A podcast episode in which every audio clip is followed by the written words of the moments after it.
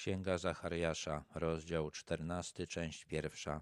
Oto nadchodzi dzień Pana, gdy będę dzielił w Twoim gronie łupy odebrane Tobie. Ten wiersz lepiej jest przetłumaczyć: Oto nadejdzie dzień, kiedy Twoje bogactwa rozdzielać będą u Ciebie. Chodzi o te narody, które będą oblegały Jerozolimę. Tutaj jest więcej szczegółów o tym oblężeniu i o tym, jak Bóg uratuje Żydów. Interwencje Boga opisane w Biblii bardzo często przebiegają tak, że Bóg zaczyna działać dopiero wtedy, kiedy wydaje się, że wszystko jest stracone i nie ma nadziei. Tak też będzie, kiedy wszystkie narody świata zwrócą się przeciwko Jerozolimie. Te narody oblegające Jerozolimę pewnie będą wykonywały rozkazy rządu światowego. Bóg pozwoli ją zdobyć i dopiero potem okaże swoją moc. I zbiorę wszystkie narody do walki z Jeruzalemem.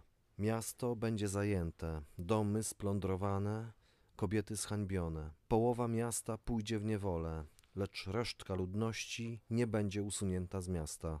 Jerozolima zostanie zajęta, zdobywcy będą postępować okrutnie, pozwolą jednak części Żydów pozostać w mieście. Być może to się łączy z tym tekstem w Apokalipsie, który mówi o tym, że poganie będą tratować święte miasto przez 42 miesiące i będzie im oddany zewnętrzny przedsionek świątyni.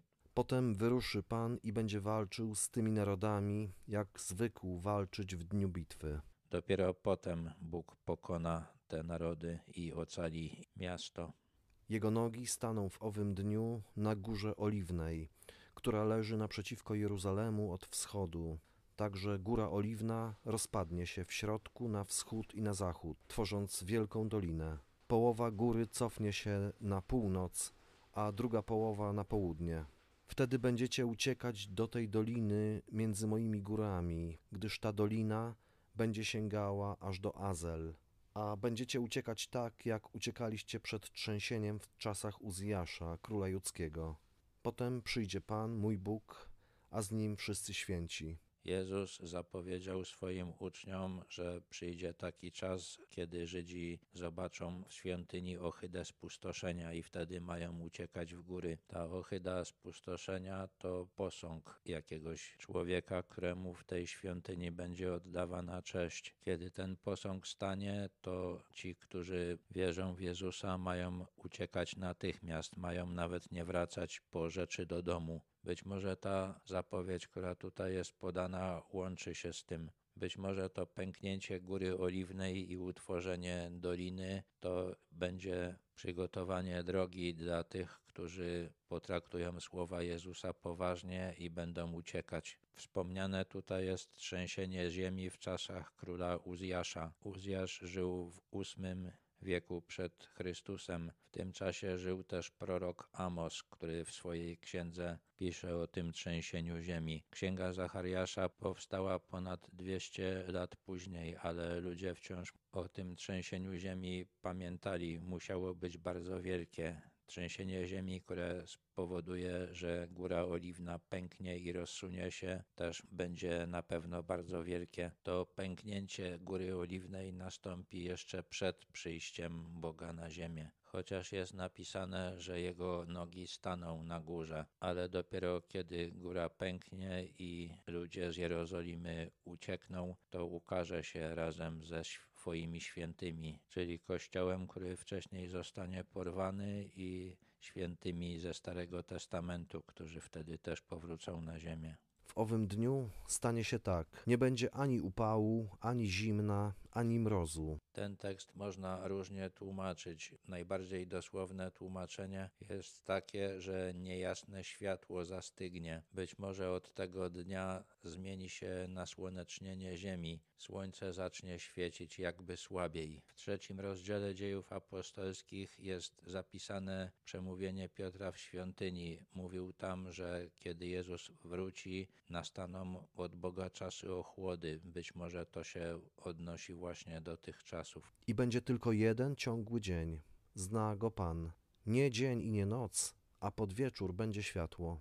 To jest źle przetłumaczone. Lepiej by było przetłumaczyć: Będzie to jeden dzień, który zna Pan. To przyjście Boga na ziemię wydarzy się w określonym dniu. Kiedy to się będzie działo, w Jerozolimie rozbłyśnie światło, chociaż będzie wieczór. I stanie się w owym dniu, że popłyną żywe wody z Jeruzalemu, połowa do morza na wschodzie, a połowa do morza na zachodzie. I tak będzie w lecie i w zimie. Ziemia w Izraelu jest bardzo żyżna, ale jest problem z wodą. Kiedy Bóg stąpi na ziemię i nastąpi pojednanie między nim a Żydami, ten problem zniknie. I będzie Pan królem całej ziemi. W owym dniu Pan będzie jedyny i jedyne będzie Jego imię. Niedługo po tym nawróceniu Izraela Bóg stąpi na ziemię i obejmie władzę. W innych księgach Pisma Świętego jest mowa o powrocie Jezusa na ziemię i objęciu przez Niego władzy. To jest kolejny dowód na to, że Jezus jest Bogiem.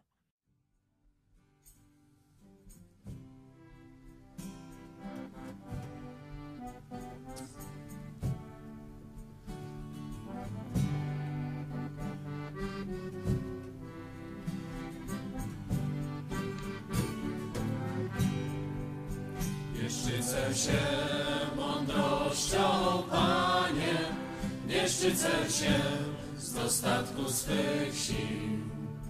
Nie jestem dumny z tego, co posiadam, tylko Tobą, Panie, szczycę się.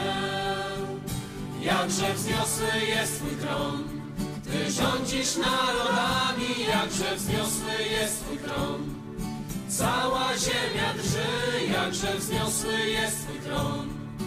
Panie mój, Zbawco mój, tylko Tobą szczycę się. Jakże wzniosły jest Twój tron, Ty rządzisz narodami, jakże wzniosły jest Twój tron. Cała ziemia drży, jakże wzniosły jest Twój tron.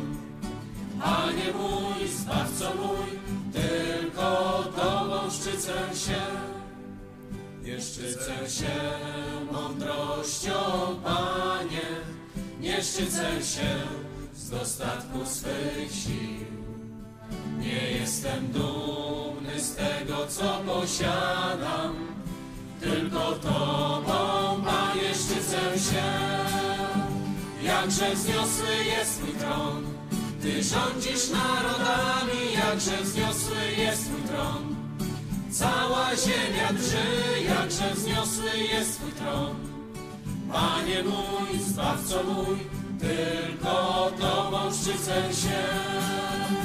Jakże wzniosły jest Twój tron, Ty rządzisz narodami, jakże wzniosły jest Twój tron. Cała ziemia drży, jakże wzniosły jest Twój tron.